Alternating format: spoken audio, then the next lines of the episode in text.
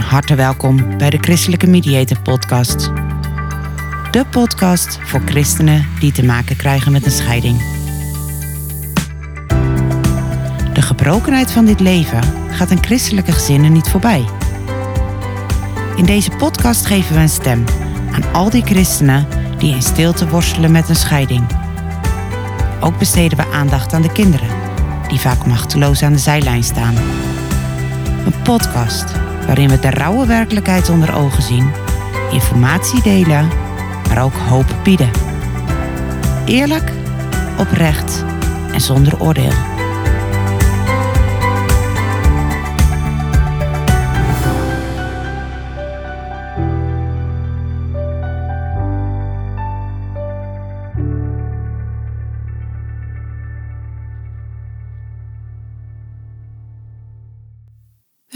Bij alweer een nieuwe aflevering van de Christelijke Mediator Podcast. Fijn dat je luistert.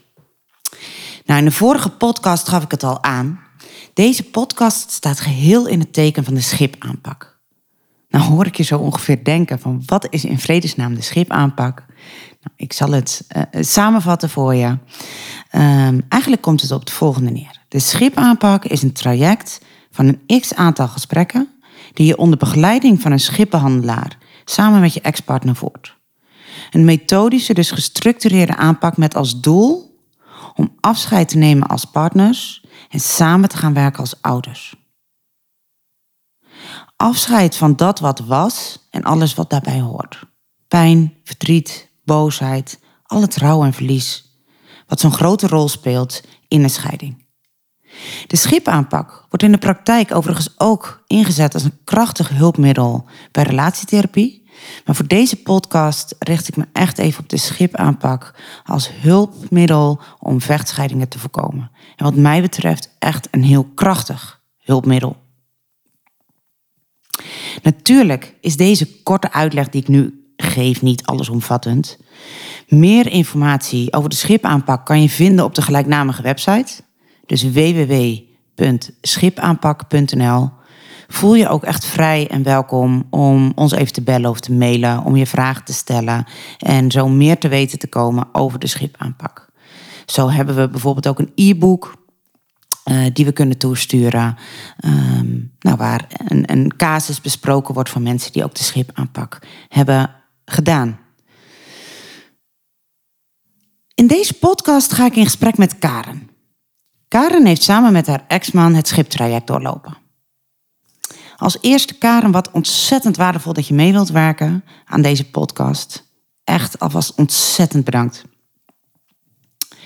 Goed om even te melden dat we met elkaar hebben afgesproken uh, dat we de naam van de ex-man van Karen niet noemen.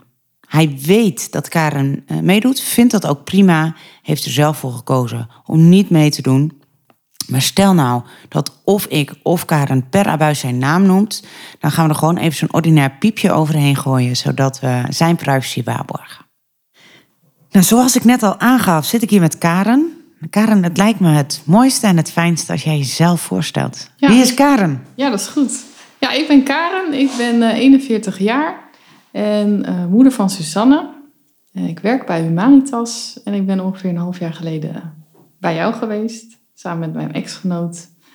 En uh, in augustus zijn wij officieel gescheiden. Kijk eens aan. Dus een heftige tijd die achter je ligt. Ja, klopt. Hey, het eerste wat mij opvalt, waar ik toch even aandacht aan wil geven, is dat jij uh, zegt van joh, hey, mijn ex-genoot. Ja. Vertel eens. Ja, dat zegt niet iedereen, hè? Ja, ik vind ex echt een vreselijke term. Ik vind het ook heel hard klinken. En ook niet recht doen aan wie hij is en hoe onze relatie op dit moment is. Dus ik heb ervoor gekozen iets te zeggen wat ik zelf prettig vind, wat voor mij goed voelt, maar wat ook wel een beetje mild is. Wij wonen nog bij elkaar in huis op dit moment. En uh, nou ja, ik, ik vind het gewoon uh, respectvoller. Ja. Jullie wonen nog in één huis, omdat de huizenmarkt niet per se uh, heel fijn is op dit moment. Klopt, ja. Ik vind ex-genoot, daar zit, uh, als ik naar dan, dan de link leg met mm -hmm. uh, de schipaanpak, vind ik er wel een hele mooie verbinding in zitten. Uh, in geen echtgenoot meer, maar nog wel een ex-genoot. Ja, dat klopt, ja. ja. Hey, vertel eens hoe het is gegaan dat jullie, weet je, je hoeft niet uit te leggen hoe het is gekomen dat je bij ons terecht bent gekomen. Maar hoe zijn jullie erbij gekomen om de schipaanpak te doen? Want jullie hulpvraag was eigenlijk vanaf het begin al heel duidelijk. Sommige mensen adviseren wij echt van, joh, hey, ga alsjeblieft die schipaanpak doen. Ga dat traject doorlopen, dat gaat jullie helpen. Maar bij jullie kwam de vraag vanuit jullie zelf. Ja, wij hebben vroeger regelmatig uh, relatietherapie gehad. Dus op zich waren we wel bekend met dat soort dingen. En het feit dat wij gingen scheiden betekende voor ons niet, nou dan is het nu klaar. Dan gaan we nu alle zakelijke dingen alleen maar regelen en dat was het. Nee, wij wilden er echt voor kiezen om nou ja, recht te doen aan de relatie die wij twintig jaar met elkaar hebben gehad. En dat, nou ja, dat vonden we behalve dat er heel veel dingen niet goed zijn gegaan, ook gewoon een hele mooie tijd. We kenden elkaar heel goed en uh, hebben van alles met elkaar beleefd. Dus we hebben ervoor gekozen om dat heel bewust uh, met elkaar af te sluiten. Dus dat hebben we samen besloten om, om het niet alleen maar zakelijk af te ronden, maar ook te zeggen, nou, dit is wel het einde, maar um, dat willen we op een goede manier met elkaar afronden. Ja, dus echt op een respectvolle manier, met aandacht, ook voor het mooie wat er was. Ja, en toen wisten we natuurlijk nog niet wat er eigenlijk ging komen, maar zo op papier en op website en wat we erover konden lezen en vinden, dachten we wel, hé, hey, dit is wel echt heel uh, mooi om te doen. En was dat het ook? En, en zoals ik al aangaf, alsjeblieft eerlijk. Ja, nou, het, is, het heeft iets heel dubbels. Het was super intensief en het was ook echt wel heel moeilijk, maar het was ook heel mooi. Dat klinkt misschien heel gek, maar er was heel veel ruimte om dat waar je zelf helemaal aan voorbij gaat, om dat allemaal op tafel te leggen. Want je, nou laat ik voor mezelf spreken, ik, ik was echt boos en ik was helemaal teleurgesteld en verdrietig en ik zat vol in de emotie. Mhm. En dat is ook de manier waarop ik dus alles benaderde wat er gebeurde. En ik was ook in de war. En door heel gefaseerd dingen door te lopen, heeft dat voor mij gewerkt als een soort ontwarringsproces. Dus ik heb echt stapje voor stapje mijn eigen rouwproces kunnen beginnen eigenlijk daarmee. Ja. En we hebben natuurlijk ook heel duidelijk op tafel gekregen ja, wat er allemaal niet goed is gegaan en hoe we dat anders hadden willen doen. Het is heel confronterend geweest, wat ook echt wel vet pijn doet om te doen. Maar daardoor heb ik wel het gevoel dat ik mezelf heel serieus heb genomen en ook mijn ex-genoot. Ja, wat was je vraag ook alweer? Nou ja, dat je zegt van joh, hey, um, het, het, het, ik hoopte dat het mooi was en dat het goed was om het te doen. En Ja. mijn vraag is, was dat het ook? Nou ja, dat was het dus. Alleen had ik dat niet per se tijdens zo heel erg in de gaten. Behalve dat ik, dat ik het heel pittig vond om te doen. Ja. Ehm, maar ik merkte dus wel dat het mij hielp om heel bewust dus er doorheen te gaan. Ik ben het maar gewoon aangegaan. En doordat jij ons allerlei opdrachten gaf en we allerlei dingen naar elkaar moesten uitspreken, ja, deed je eigenlijk het scheiden. Het elkaar aankijken en naar elkaar uitspreken. Wat doet er dus nu pijn en wat eh, gaat er niet goed en waar hebben we spijt van en wat hadden we liever anders gedaan? En dat is, ja, dat vond ik dus wel echt heel moeilijk om te doen. Maar daardoor heb ik wel geleerd en uh, konden we dus ook buiten de uren bij jou thuis uh, met elkaar steeds beter praten. En ging de emotie er eigenlijk, de scherpe randjes daarvan gingen er af. Maar als ik jou goed beluister, dan zeg je van joh, hey, voor mij was het zo'n enorme warboel, die hele Ja. scheiding. Want als we kijken naar de scheiding, ehm, jij zag het niet aankomen. Nou ja, het ging wel al heel lang niet goed. Dus in die zin kwam die niet uit de lucht vallen. Nee, maar dat moment was inderdaad voor mij wel een beetje een verrassing. Je had het in die zin niet zien aankomen dat eh, jouw ex-genoot zou zeggen van joh, het is nu echt klaar. Maar niet op dat moment. Ik was zelf eh, begonnen met eh, therapie, voor mezelf dus. Eh, en dat ging heel goed. En daarvan merkten we ook resultaat eh, in onze relatie. Ja. Ehm, en daardoor, omdat het dus vooruit ging, er zat verbetering in, had ik niet zag ik het niet aankomen. Dacht ik, nou, we gaan weer ergens naartoe. We zijn aan het bouwen in plaats van Ja. aan het afbreken. Maar goed, dat is, ja, dat is achteraf wel te verklaren verder. En als je kijkt, dan zeg jij van, joh, hey, ik, eh, het overdonderde me. Het was moeilijk, eh, het was veel, het was een enorme warboel. En ik heb het traject heb ik ervaren als het langzaam ontrafelen en uitpluizen eh, van alles wat er eigenlijk was. Ja, De, de vragen die we eh, kregen, die hielpen. Maar zeg je, het was ook gewoon vet moeilijk en confronterend. ja want je gaat eigenlijk in de weken dat je dat aan het doen bent, ga je ontrafelen. Nou ja, gewoon blootleggen. Wat gaat er niet goed? Welke patronen zijn er eigenlijk ontstaan? En eh, wat heeft dat allemaal met je gedaan? Nou, dat is, dat is gewoon heel kwetsbaar. En ehm, nou ja, alle emoties komen dan voorbij. En ik, ik, wer- ik kreeg al allemaal schuldgevoelens en wordt ook weer boos op elkaar. En, eh, maar je krijgt ook oog voor het deel van de ander. Dus buiten, want je zit natuurlijk helemaal, ik verdronk in ieder geval helemaal in mijn eigen ellende, zeg maar.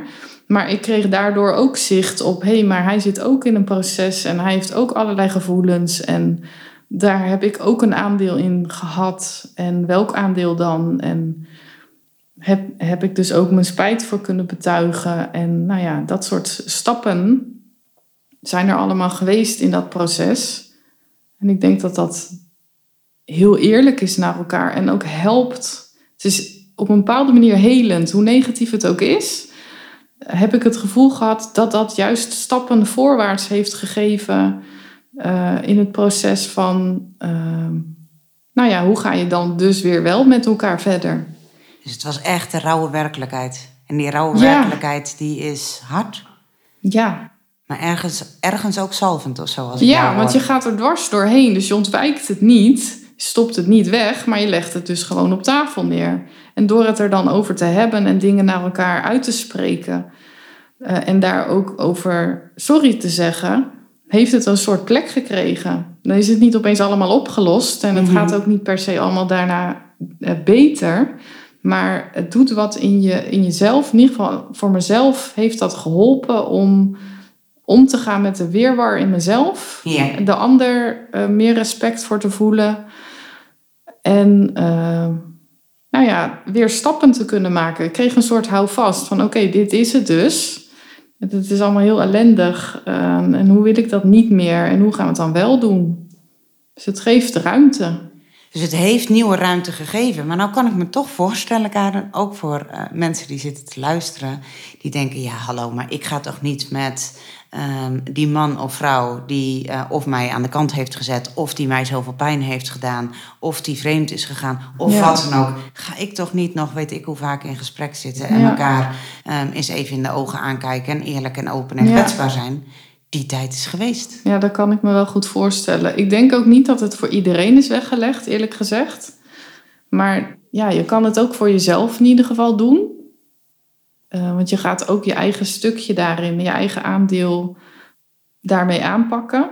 En ik denk ook dat het ervan afhangt ja, wat er is gebeurd allemaal en eh, hoe je uit elkaar gaat. Ja, dat, dat vind ik best wel lastig om voor een ander te praten daarin. Maar ik denk als er nog een klein beetje ruimte is en je wilt echt graag met elkaar daarna goed, een goede ouder weer zijn. Kijk, je, je doet wel heel erg recht aan wat is geweest. eh, en geeft daarmee ook aan dat je graag wil dat het voor het vervolg, in ieder geval qua on-speaking terms zijn en samen goed opvoeden, dat je elkaar daarin serieus neemt. Dus het, het vraagt ook wel een keuze die tegen je gevoel ingaat. Ik heb dit ook niet gedaan omdat ik er zo'n zin in had. Dat Nee. is het natuurlijk niet. Waarom heb je het wel gedaan? Nou ja, zoals ik aan het begin vertelde, omdat ik sowieso de markering van het einde van onze relatie waardevol vind. Ja. Om recht te doen aan mijn eigen gevoelens en ook die van mijn ex-genoot. En omdat ik geloof dat als je je gevoelens en alle stappen niet uit de weg gaat, dat je daar uiteindelijk dan handvatten in krijgt en mee verder kan. Dat je ze vast kan gaan pakken in plaats van dat het iets zweverigs Ja, blijft. dat. Ja, maar goed, makkelijk is het zeker niet. Nee, dus om op je vraag terug te komen. Kijk, als je, als je het echt niet wil, ja, dan is het misschien niet voor jou. Maar als je ergens voelt van ja, hier, hier kan ik wat aan hebben, al is het maar egoïstisch, omdat je gewoon graag goed met je ex-partner straks ouder wil zijn, dan is dat denk ik al reden genoeg. Maar het vraagt wel echt energie en tijd en geld. Ja, dat is het. Het vraagt een heleboel. En Ja. op, het vraagt een heleboel op heel veel fronten. Mhm. Als je nou terugkijkt, Ja. zijn er dan momenten dat je denkt van joh, dat was voor mij echt een van de heftigste eh, momenten uit het traject. Dat was het meest confronterend of het meest pijnlijk. Ik vond er een paar wel eh, heel confronterend. Ik zal er een paar noemen. Op een gegeven moment ging jij op zo'n flap over eh, voor ons ieder opschrijven wat we kwijt raar, waren of zouden gaan raken door uit elkaar verloren te gaan. zijn. Ja, wat Ja. we verloren zijn, ja. Nou ja, dan zie je dat gewoon opgeschreven worden voor je neus. Dat vond ik wel heel eh, Mhm. Ik dacht, nou inderdaad, er is heel veel verlies in deze situatie. Heel veel om, om te rouwen. Dat vond ik gewoon heel direct dat zo ziend, vond ik dat wel pittig. Ik vond het ook ehm, moeilijk om elkaar een spijtbrief te schrijven. Ja. En dat komt wat verderop natuurlijk. Maar ehm, ja, dan, dan heb je inmiddels heel helder waar je eigen aandeel zit en eh, wat er allemaal niet goed is gegaan. En dat dan ook nog een soort opbiechten aan de ander, terwijl de ander daar ook bij zit. Dat eh, vraagt moed. Dat vraagt heel veel moed. En dat heb, ik, eh, ehm, dat heb ik nooit eerder, denk ik, met jullie gedeeld. Een spijtbrief is ook zeker niet wat elk stel die eh, de schipaanpak doet, die dat doen. En waarom niet? Omdat niet elk, ik noem het maar even stel, ook al klinkt dat in deze eh, setting een beetje raar, maar dat niet elk stel dat aan kan. Ja, Dat niet elk stel dat level kan bereiken ja, ehm, van het, het vergeven van elkaar. En ehm, er staat in de schipaanpak een heleboel eh, vast. Maar het is altijd maatwerk. Wat zet je waar wel in en waar niet? En ehm, dus, dus de schiphandelaar doet in die zin ook, ook dingen op het gevoel van... hé, maar wat Ja. kunnen deze mensen aan? ja. En ehm, ja, blijkbaar was mijn inschatting op dat moment dat jullie dat aankonden. En eh, jullie hebben, wat mij betreft, heel erg bewezen dat ook aan te kunnen. Ja. Moet ik wel even nuanceren wat jij zegt. Ik denk dat die brief niet per se betekent dat je elkaar vergeeft. Ja. Het betekent dat je erkent wat je eigen aandeel is en ook er- de pijn van de ander erkent. Precies. Dat is het, denk ik. En dat kan een aanzet zijn tot vergeving. En ik hoop voor een heleboel mensen ook vergeving kan zijn. Maar dat was het voor mij op dat moment niet per se. Het Nee. is het begin daarvan voor mij. En als je terugkijkt, hoe, hoe kijk je daar dan naar? Want je zegt van, joh, hey, het was niet vergeving. Zou dat überhaupt realistisch zijn in het proces waar jij toen in zat? Dan heb ik hem even echt heel specifiek gericht op jou. Een moeilijke vraag. Het is in ieder geval een, een stuk waarin ik verantwoordelijkheid kan nemen voor dat wat ik niet goed heb gedaan in de relatie. Dat vind ik al heel wat. En, Dat is het ehm, ook. Ik, ik weet het niet zo goed. Ik was op, dit moment, op dat moment helemaal niet bezig met vergeving. Daar, daar zat ik nog lang niet. Ehm, en wij hadden al zoveel met elkaar gepraat, ook in eerdere therapieën, dat we heel veel al wel wisten. Mm, maar het stuk elkaar erkennen in de pijn en eh, dus die verantwoordelijkheid nemen voor wat je niet goed hebt gedaan, geeft in ieder geval basis eh, voor mij. Eh, om, om te zien dat de ander niet alleen maar een ellendeling is, zeg maar. Ehm, en dat ook allemaal niet expres heeft gedaan.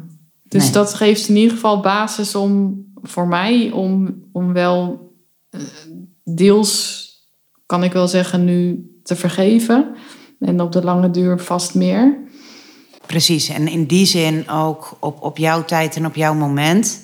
En het, lijkt je wel geholpen te hebben om meer vanuit zijn perspectief ook te kunnen kijken en ook te kunnen zien van hé, maar hij heeft het ook eh, moeilijk gehad. En, en hij mist ook dingen. Ja, Hij heeft ook pijn. ja. En, en dat wordt gewoon zo concreet. En dat is natuurlijk nadat we een aantal stappen al met jou erbij hadden gemaakt. Namelijk dat je dus opschrijft wat je allemaal bent verloren. En ehm, nou ja, wat is er allemaal niet goed gegaan? Wat je had je anders gedaan als je het allemaal had geweten. En als je al die stappen door bent gegaan, dan kan je daar misschien komen. Ja, maar niet zonder die aanloop. Nee, en misschien ook niet per se met als einddoel dat je daar kan komen, maar gewoon maar eens Ja. het proces aangaan. Ja, precies. Ja, dat denk ik ook. Nou, waarom ik mijn vraag stelde van joh, hey, eh, eh, over de vergeving. Dat als we kijken naar de rouwcurve, nou wij hebben hem toevallig hier eh, op de flip over bij ons staan. Maar als je kijkt naar die rouwcurve, is het gezien de fase waar je toen zat, Ja, is het wellicht ook niet heel vreemd dat vergeving een stap te ver voelde. ja. Als ik nou, nu naar die curve kijk, toen ik begon aan het schiptraject, zat ik een beetje zo eh, bij ontkenning en emoties.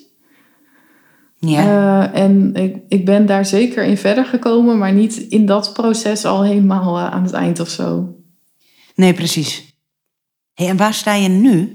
Want je bent nu, een, een, laten we even zeggen, een, een vijf, zes maanden verder. Ja, eh, dat, wisselt nog wel van moment. Het, ik kan niet zeggen dat ik nu in één fase zit, maar ik ben zeker uit het dieptepunt en ik ben ook al voorbij acceptatie. En ik wissel een beetje zo tussen aanvaarding, nieuw perspectief en heel soms ga ik ook wel weer eens helemaal terug. ja. Dat komt ook nog voor. Ja, Ik ben bijna blij dat je het zegt, omdat dat wel de werkelijkheid is. Ja. Het is geen gestaag, mooi, stijgend Nee, lijntje. nee. Eh, het zou leuk zijn, Ja, maar zo werkt het niet. nee, de, de, de, de chaos is weg, maar eh, het gaat nog wel hier en daar heen en weer, ja. Ja, maar ik zit wel echt eh, meer aan de rechterkant bovenaan, gelukkig. Ja, precies. En de chaos die zat... Ja, die, die, die wordt natuurlijk veroorzaakt door al die door elkaar lopende emoties. En omdat je het eerst nog niet gelooft en dat het allemaal zo ellendig is. En nu heb ik weer perspectief. En dat helpt natuurlijk ook voor alle dingen daarvoor. Ja, precies, precies. Had je ooit gedacht dat je vijf maanden later hier zou staan? Nou, dat, ik dacht toen helemaal niet zo ver vooruit, eerlijk gezegd. Ik leefde heel erg in het hier en nu en voelde me, ik verdronk een beetje in de ellende. Ja. ja, ja, mooi dat je dat gewoon dus dat eh, weet ik ook kan zien nee, zo. ja, ik, ik weet niet. Ik, omdat je niet weet wat je toekomstperspectief is en wanneer dat gaat beginnen, laat ik het voor mezelf spreken, kan ik, ik zover kon ik niet eens kijken. Dus ik was hem in de overleefstand. Dus eh, nee, ik was daar niet. eh, Daar was je Ja, zeker dat had niet ik mee niet. bezig. Nee. nee, nee, nee. nee. Hey, we hadden net, vroeg ik aan jou, van, joh, wat, ehm, eh, wat waren nou moeilijke momenten of confronterende momenten? ja. Zijn er ook momenten geweest die jou heel erg hebben verrast? Of verbaasd? Nou, dat is meer het proces zelf. Ik denk niet een bepaald onderdeel of een, eh, of een bepaald moment of zo. Maar meer dat ik dacht, hé, hey, nou gaan we met z'n tweeën hier naartoe. En dan maken we dit samen zo door. En ik zag echt wel dingen zo gaandeweg gebeuren in, in hoe wij met elkaar omgingen. Dus alles werd iets minder rauw ervan, zo door de, de weken heen. Ja. En dingen werden wat minder wollig. Alles werd wat gewoon concreter. We konden wat beter benoemen wat we vonden en dachten en voelen, voelden. En dat naar elkaar toe benoemen werd gewoon allemaal wat... Het, eh, wat ik net al noemde, het, het werd minder verwarrend allemaal. Dus het was echt die enorme bol wol, die, eh, of de achterkant van een borduurwerkje die langzaam eh, helder werd gemaakt. Ja, ja. en En- dat dat gewoon door dat proces zo gebeurde, dat vond, ik, dat vond ik echt een mooie ontwikkeling. Maar er was niet één onderdeel waar ik nu van kan zeggen, nou dat was zo bijzonder of verrassend. Nee, dat was. Eh, Dus eigenlijk zeg je van, joh, nee, niet één specifiek moment. Het hele traject. Ja, Ehm, het van op een gegeven moment misschien zelfs een klein beetje van de buitenkant kijken naar, hé, hey, waar, waar staan wij nu en wat doen we nu en hoe Ja. gaan we met elkaar om? ja. Wat veranderde in de manier van omgaan met elkaar? Of, of de manier van kijken naar elkaar? Ehm, het werd iets milder. Wat ik net al zei, de scherpte ging er een beetje af van die emoties, waardoor we wat eerlijker naar elkaar en naar onszelf konden kijken. Dus er ging een soort eh, laagje af. Waardoor überhaupt de ruimte kwam om naar de ander te kijken. Dat eigenlijk. Want je zit eerst heel erg in je eigen kokonnetje of zo. En later komt er iets meer ruimte omdat je dus gewoon geconfronteerd wordt door de opdrachten met dat wat het allemaal met de ander doet. Ja, daar zit je bij en je kijkt ernaar. Dus je, ja. Ik kan me herinneren dat het voor jou heel confronterend was. Om te zien dat naast de worsteling die je zelf had. Ja. Om ook te zien Ehm, dat hij ook een worsteling had. Ja, en sterker nog, om vervolgens ook te ontdekken van... hé, hey, maar misschien heb ik wel een aandeel gehad in zijn worsteling. Nou ja, dat wist ik natuurlijk wel. Dat kan, je, kan iedereen wel bedenken. Alleen als je dan iemand zo naast je zit... Dat, en die zit dat eigenlijk tegen iemand anders te vertellen... maar eigenlijk ook tegen mij natuurlijk... dat is een beetje gekke gewaarwording... maar het is wel heel duidelijk. Het wordt heel uh, fysiek bijna... Ik zag gewoon het gebeuren, de pijn.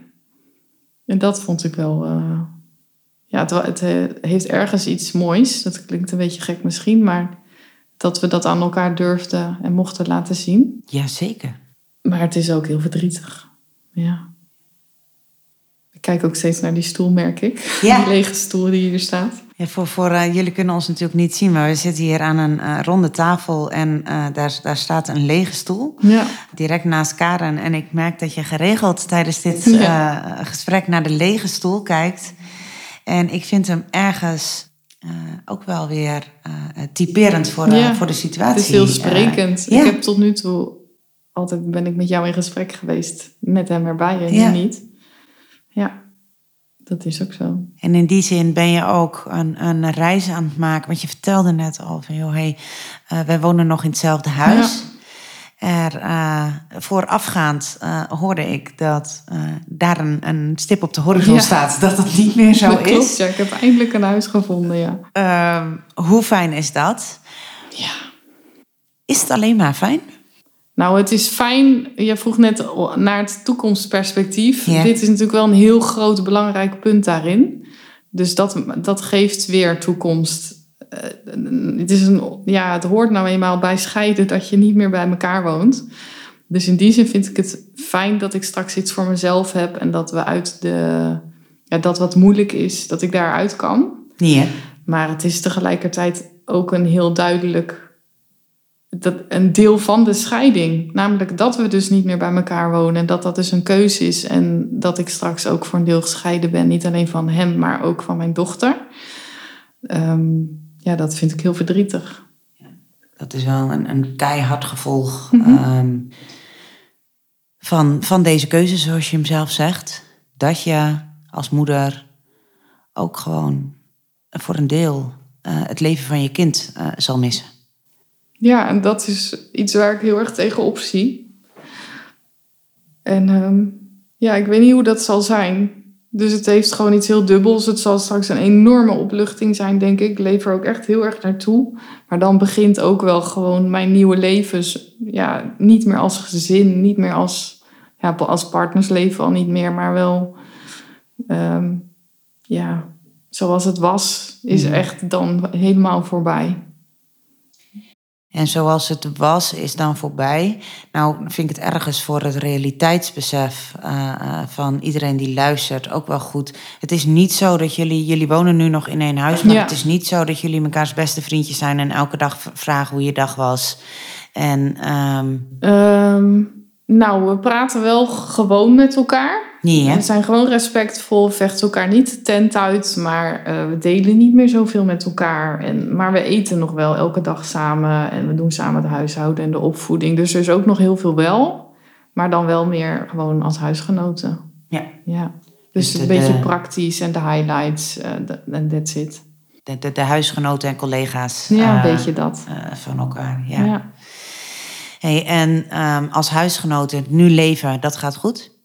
Um... Ja, met wat inspanning en uh, je tong afbijten. En uh, gewoon de keus maken dat we het goed met elkaar willen doen nu. Zo voor onze dochter en voor elkaar en onszelf. Want daar zijn jullie wel goed in samen. Het, het gezamenlijk een keuze maken en daar dan ook echt voor gaan. Ja. En um, dat, dat uh, Suzanne daarin ook zo onbevangen mogelijk kan genieten van contact met papa en mama. Ja, ja want zij moet niet nog meer last dragen dan hoeft. Toen je net vertelde over eh, Suzanne, dan word je daar emotioneel van. Ja. Het raakt je. Ja. Ehm, wat, wat raakt je het meest? Nou ja, dat scheiden dus zoveel meer is dan het stoppen van een relatie. Wat natuurlijk al enorm complex is. Eh, maar het geeft op zo, zoveel levensgebieden eh, scheiding. En eh, nou ja, de hechting met mijn dochter is zo sterk. En daar heb ik niet voor gekozen. Dat dat ophoudt of, of deels ophoudt. Ja. Ja, dus dat, dat stukje is gewoon nog moeilijk. Dat dat gaat gebeuren. Nu kan ik er gewoon nog altijd voor haar zijn. En straks gaat hij ook heel goed voor haar zorgen in de tijd dat ze niet bij mij is. Maar ja, daar kan ik bij voorbaat al wel gewoon verdrietig om zijn. ja, en je kan er bij voorbaat al missen. Ja, tuurlijk. Ja. Ja, Mooi trouwens dat je benoemt en, en volgens mij ook echt het vertrouwen hebt dat op het moment dat eh, Suzanne bij haar vader is, dat ze het ook goed heeft. ja hoor. En dat hij ehm, haar eh, binnen zijn eh, mogelijkheden en kaders een fantastische vader voor haar zijn. Tuurlijk, dat is hij. Hij is heel liefdevol en ze zijn heel leuk samen. Dus dat zit oké.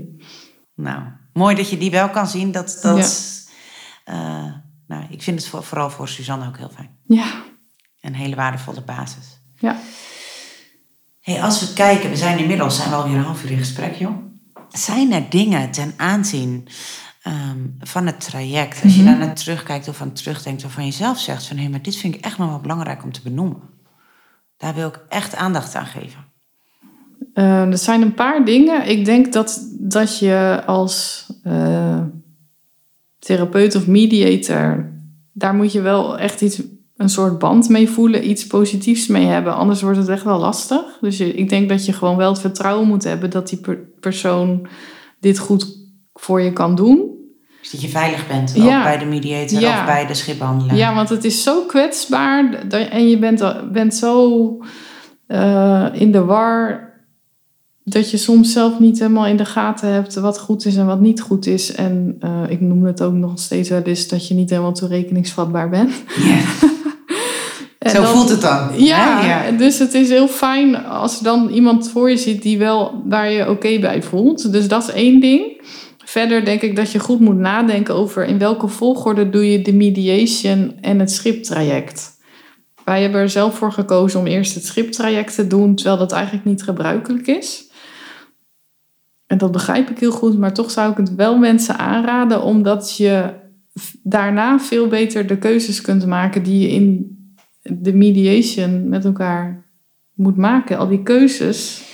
Maar goed, daar zijn natuurlijk allerlei argumenten Ja. voor om dat anders te doen. En het is ook niet per definitie, ehm, eh, ook daarin zit weer dat maatwerk van joh, wat is er nodig? En ik denk dat het voor jullie eh, uiterst Ja. krachtig was en noodzakelijk was. En Ja. misschien zelfs wel om dit eerst te doen voordat het scheidingstraject zelf. Dus, dus eh, van joh, wat gaan we doen met de woning, de auto, de verzekering enzovoort. Precies. Ehm, jullie hadden dit nodig. Ja, maar ik kan me ook heel goed voorstellen dat als die andere praktische dingen in de weg zitten, omdat je gewoon daar anders te veel ruzie over maakt, dat je dat eerst moet doen. Soms is dat nodig. Ja. ja. Dus dat kan ik me ook voorstellen. Dus daar moet je gewoon goed over nadenken, denk ik. Dus die twee dingen eigenlijk. Dus joh, zorg dat je je veilig voelt. Ja. Even vrij vertaald. Ja, Ehm, dat je veilig kan zijn, want het vraagt eigenlijk heel erg veel. Het, weet je, in zo'n podcast lijkt het misschien makkelijk, maar het vraagt heel erg veel om je uiterst kwetsbaar op te stellen Ja. in het bijzijn van je ex-genoot ja, of je aanstaande e- ex-genoot. ja En dan ook nog met een wildvreemde erbij. precies. dus dan is het fijn als je je vertrouwd en veilig eh, eh, weet. Ja, En zeg je van, joh, kijk goed wanneer je hem inzet. Het is eh, al met al, denk ik, dat het een heel krachtig hulpmiddel kan Ja. zijn. Maar kijk goed op welk moment je hem inzet. Ja, en eh, je kan het elke week doen. En bij sommige fases is het misschien fijn om er een week tussen te doen. Omdat het gewoon meer tijd vraagt. Letterlijk om een opdracht uit te voeren. Of omdat je gewoon even moet sudderen op iets. Ja. Gun jezelf dan ook even die ruimte of zo. Blijf, blijf trouw aan je gevoel. Blijf trouw aan jezelf Ja. en wat je nodig hebt. Dus ook tijdens het traject blijft het maatwerk om te kijken hoe snel gaan we dat, dit doen. Kijk per week gewoon hoe dat gaat. Hey Karen, ik wil jou ontzettend bedanken voor jouw openheid, je kwetsbaarheid. Niet alleen toen. Uh, toen denk ik dat je jezelf uh, en, en je echtgenoot en uiteindelijk ook jullie dochter een cadeau hebt, hebt gegeven door die kwetsbaarheid. Ja. En ik ben ervan overtuigd dat je nu een aantal luisteraars een cadeau hebt gegeven door je zo kwetsbaar op te stellen, door dit verhaal te delen en ook um, te laten zien wat een, een schipaanpak zou kunnen betekenen uh, in het leven van mensen. Ja, ik hoop het. Dankjewel, Karen. Graag gedaan. Dank voor het luisteren naar de Christelijke Mediator Podcast. Mocht je behoefte hebben aan advies of aan een luisterend oor, schroom niet. Neem vooral even contact op. Dat kan via www.christelijkemediator.nl. We helpen je graag. Je staat er niet alleen voor. Wil je geen aflevering meer missen? Abonneer je dan op de podcast in je favoriete luisterapp.